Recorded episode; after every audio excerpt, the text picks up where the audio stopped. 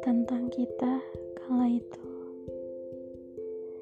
Pertemuan kita diawali dari kesedihan yang terbawa oleh masing-masing.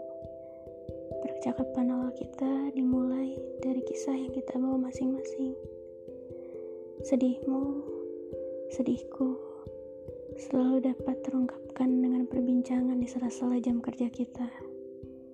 Saling membeli solusi, itulah harapan kita masing-masing saat itu.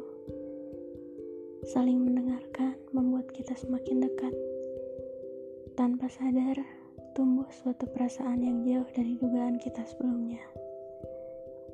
Rasa nyaman berbagi membuat kita lupa akan rasa sakit kemarin.